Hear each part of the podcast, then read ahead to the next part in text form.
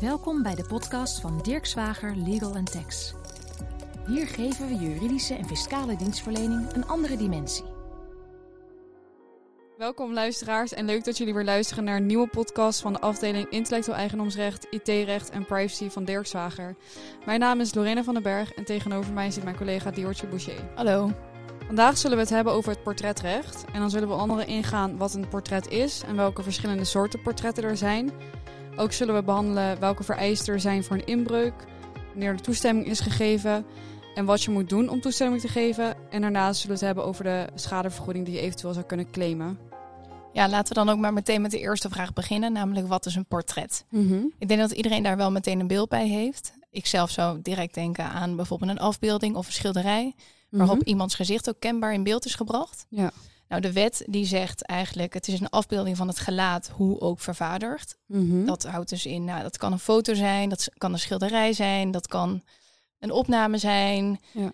Ehm, de Hoge Raad heeft daar ook een eh, bepaalde invulling aan gegeven, al een hele tijd geleden. Mhm. En die heeft toen eigenlijk gezegd, nou ja, een portret is een afbeelding van het gelaat van een persoon, met of zonder die van verdere lichaamsdelen. En dat is later verfijnd in de rechtspraak, ook door de Hoge Raad. Ja. Sommige eh, juristen bepleiten zelfs dat de Hoge Raad op enig moment is omgegaan. Mhm. eh, door te oordelen dat het, gaat, eh, dat het erom gaat wie de geportretteerde kent. Ja. En of die de geportretteerde ook in het portret herkent. En dat hoeft dus niet onmiddellijk te zijn of bij eerste oogopslag. Het kan ook zijn dat je eerst nader bestudeert en dan dat die herkenning tot stand komt. En niet uitsluitend de afgebeelde gelaatstrekken eh hoeven tot herkenbaarheid te leiden, maar ook andere factoren spelen een rol. En daarbij kan je dus denken aan bijvoorbeeld een typerende lichaamshouding Mhm. of een postuur. Of iemand draagt altijd een bepaalde, be- bepaald kenmerkend gadget waaraan je iemand op enig moment kan herkennen. Mhm. Eh, dus eigenlijk hangt het af van eh, de omstandigheden Ja. van het geval of je de geportretteerde kan herkennen. En dat hoeft dus niet alleen het gezicht te zijn of, of diens gelaatsuittrekken. Nee. Nee, dat is best wel een ruim begrip eigenlijk. En ik kan me zo voorstellen dat ook een stem van iemand mogelijk een portret kan zijn. Stel je voor dat iemand echt een, eh, een hele bekende of hele typerende stem heeft. Dan zou ik me voor kunnen stellen dat iemand ook aan de hand daarvan herkend kan worden.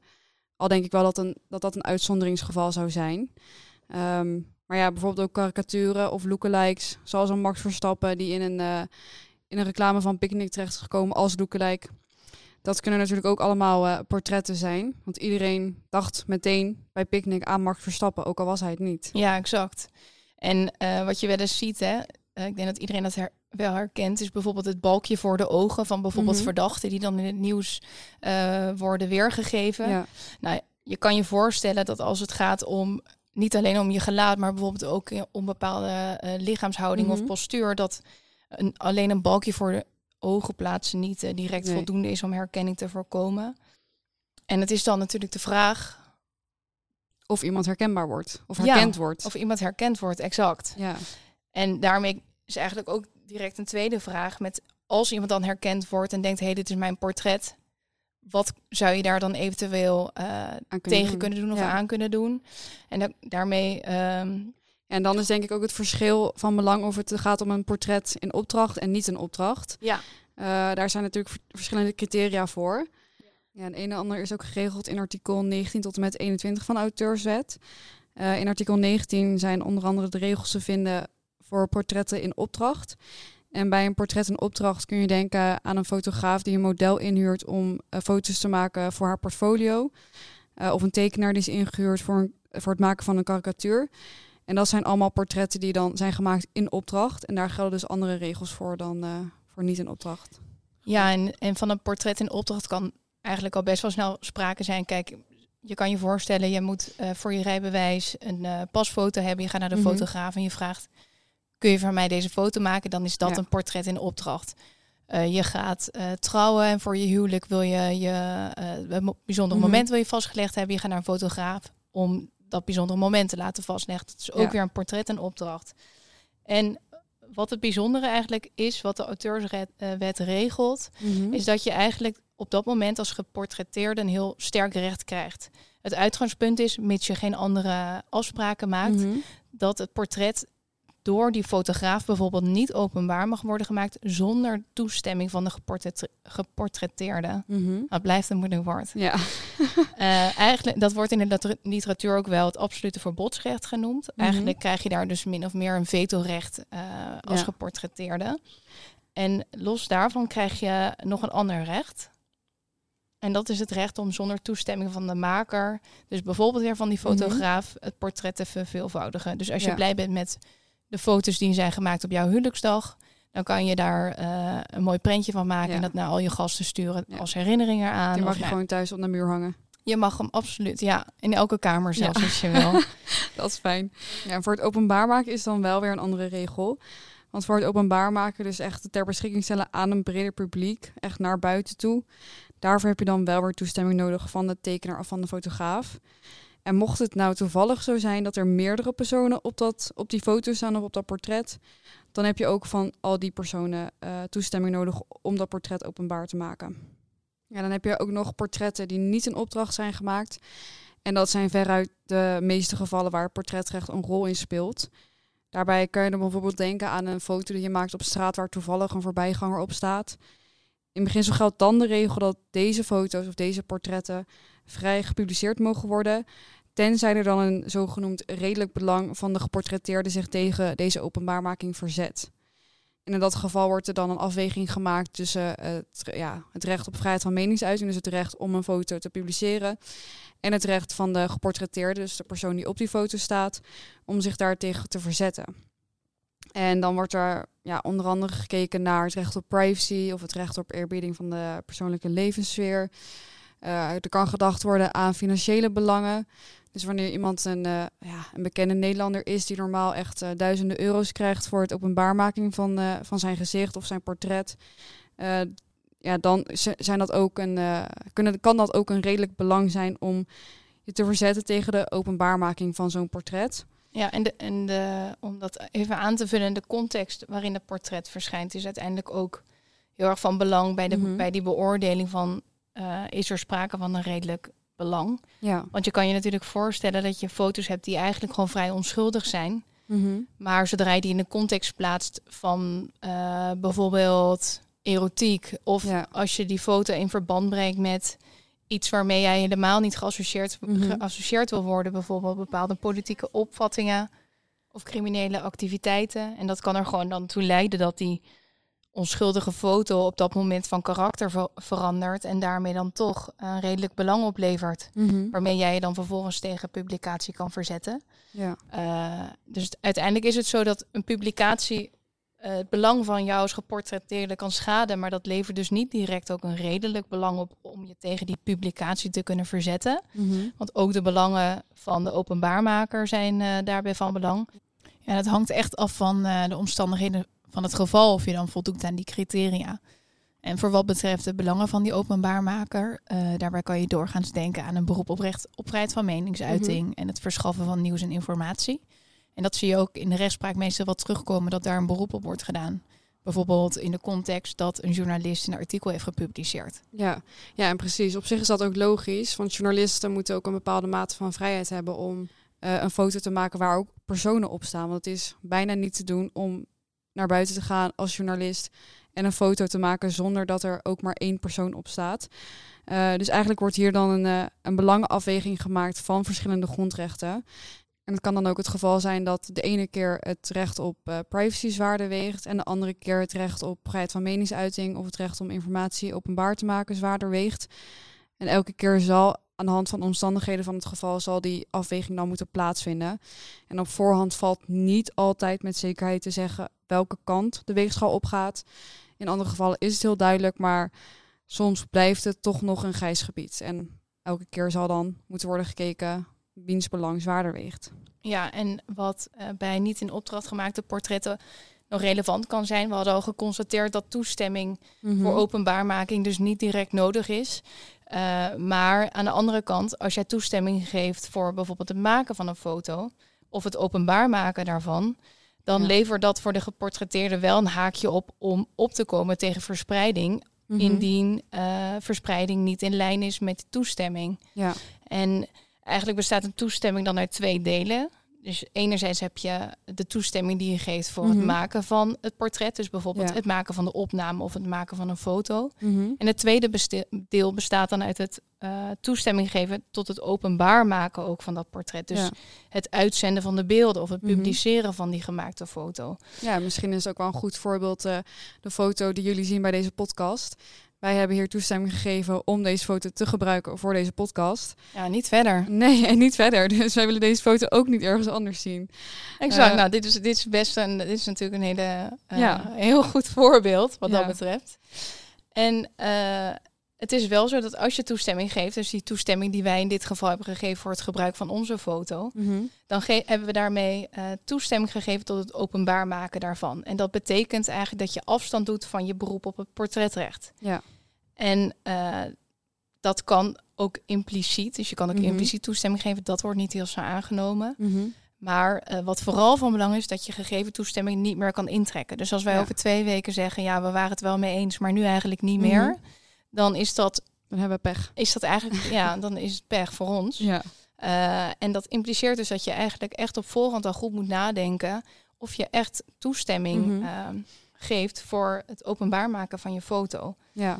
En ehm, ja, en over die toestemming. Je zei al, hey, impliciete toestemming wordt vaak niet aangenomen. Eh, en zeker ook niet in de rechtspraak, want het is lastig om te bewijzen dat iemand mondeling heeft gezegd: ja, prima dat je mijn foto gebruikt. Dus wat er dan vaak, vaak wordt gedaan, is ofwel schriftelijk toestemming via een e-mail of via een quitclaim wat kan worden opgesteld. En in het quitclaim staat dan omschreven waarvoor een portret is gemaakt, voor welk doel en voor welke doeleinden ze worden ve- verder worden verspreid. En aan de hand daarvan kan je dan of middels een handtekening of een schriftelijke bevestiging akkoord gaan met het gebruik van jouw portret. ja, want het eh, geven van die toestemming, die wordt eigenlijk in de rechtspraak getoetst aan de hand van eh, de vraag of er sprake is van een rechtsgeldige overeenkomst. Dus ook, eh, er mag bijvoorbeeld dus ook geen sprake zijn van dwaling of bedrog. En Ja. eh, toestemming mag dus ook niet zijn gegeven door bijvoorbeeld een minderjarige. Mhm. Dat komt natuurlijk wel eens voor, maar in dat geval moet dus de ouder of eh, de wettelijk vertegenwoordiger in elk geval eh, toestemming geven. Mhm. En wat je zegt inderdaad, die quitclaim, die zie je inderdaad vaker. Bijvoorbeeld in de situatie dat er sprake is van een werkgever-werknemer verhouding. Maar Ja. eigenlijk kan je ook denken aan een museum die Mhm. Eh, foto's wil maken voor op haar website en die dan met bezoekers en, eh, of met men ingehuurde eh, acteurs bijvoorbeeld Mhm. een bepaalde quitclaim overeenkomt. En eh, wat jij inderdaad terecht aangaf, is het echt heel erg van belang om vooraf duidelijk af te kaderen waarvoor die toestemming wordt gegeven. Ja. En het portret mag dus ook niet voor andere doeleinden worden gebruikt dan waarvoor toestemming is gegeven. Mhm. Ja, en we zien ook wel in de rechtspraak gevallen voorbij komen waarbij bijvoorbeeld een werknemer toestemming heeft gegeven voor het gebruik van eh, haar, zijn of haar portret. En vervolgens is diegene ontslagen of heeft een andere baan gezocht en dan wordt nog steeds het portret gebruikt voor bepaalde doeleinden. Wat ofwel niet in lijn is met de toestemming, ofwel schadelijk is omdat diegene bij een concurrent werkt of bij een nieuwe werkgever die totaal niks met dat bedrijf heeft. Ja, en in de rechtspraak zijn er ook best wel veel relevante uitspraken te vinden. Zo was er recent een uitspraak waarbij een oud-werknemer eh, haar oud-werkgever Picnic had aangesproken wegens schending van portretrecht. En haar, eh, de eh, rechter gaf haar eh, gelijk. Eh, zij stelde dat het portret door haar voormalig werkgever op grote schaal zou zijn gebruikt voor promotie- en reclamedoeleinden. Terwijl ze uitsluitend toestemming zou hebben gegeven voor het gebruik van haar portret voor een kortlopende wervingscampagne.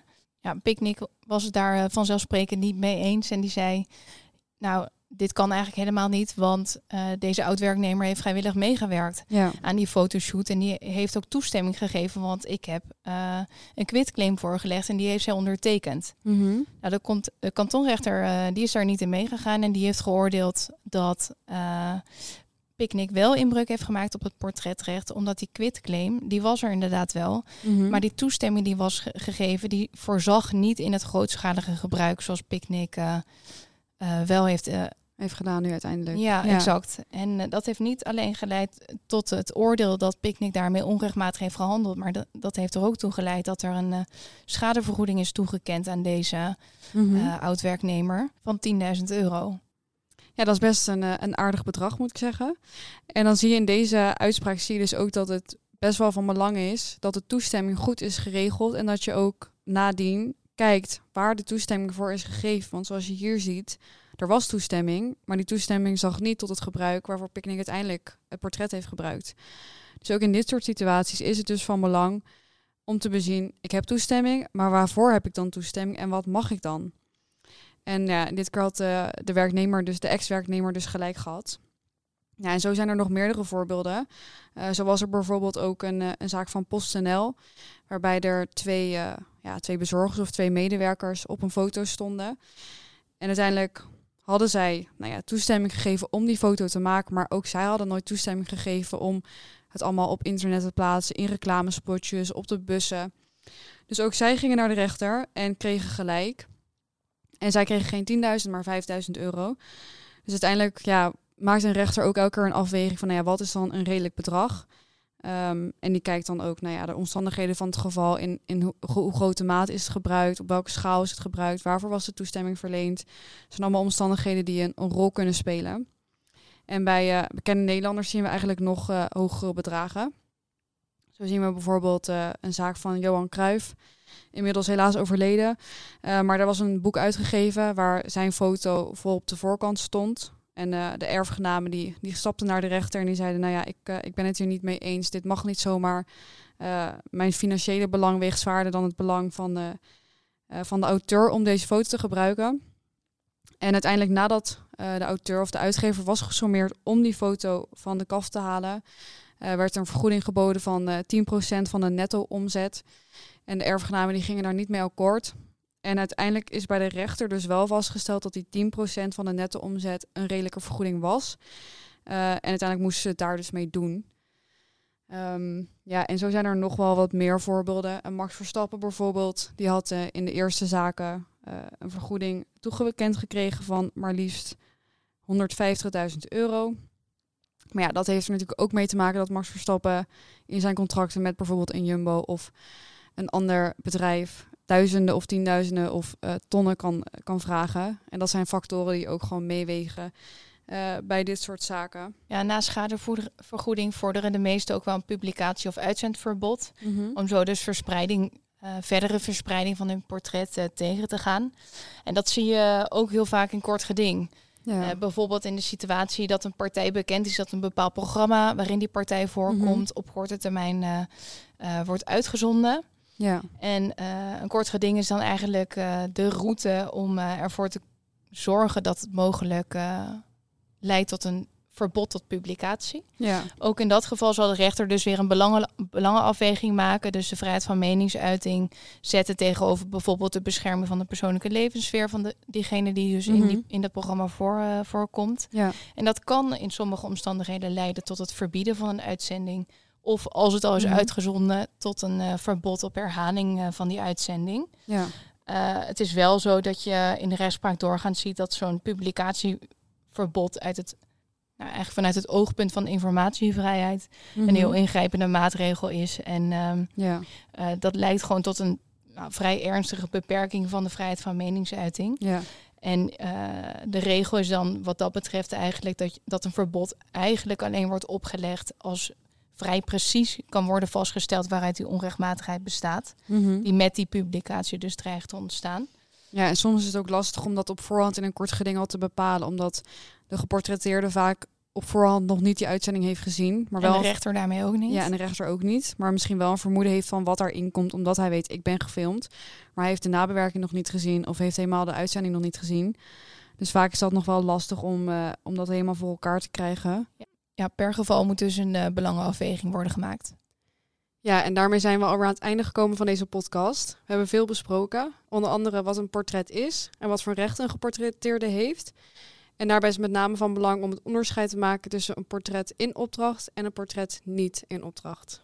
Ja, voor wat betreft het portret niet in opdracht hebben we geconstateerd dat voor publicatie van het portret toestemming in beginsel niet nodig is, maar wel een rol kan spelen. Mm -hmm. En eigenlijk in het verlenen daarvan wat het belang kan zijn van het opstellen van een goede quitclaim, zeker aangezien het portret niet voor andere doeleinden mag worden gebruikt dan waarvoor toestemming is gegeven. Mm -hmm, zeker. En mocht u uh, twijfels hebben over of uw quitclaim juist is. En mocht u hulp nodig hebben bij het opstellen van een quitclaim, dan kunt u uiteraard bij ons aankloppen of bij onze collega's. En mocht u vragen hebben over andere rechten dan het portretrecht, dan bent u ook van harte welkom om een kijkje te nemen op onze website www.dirkswager.nl. En dan hopen we graag jullie te zien bij de volgende podcast. Zeker. Dirk Zwager Legal Tax podcast.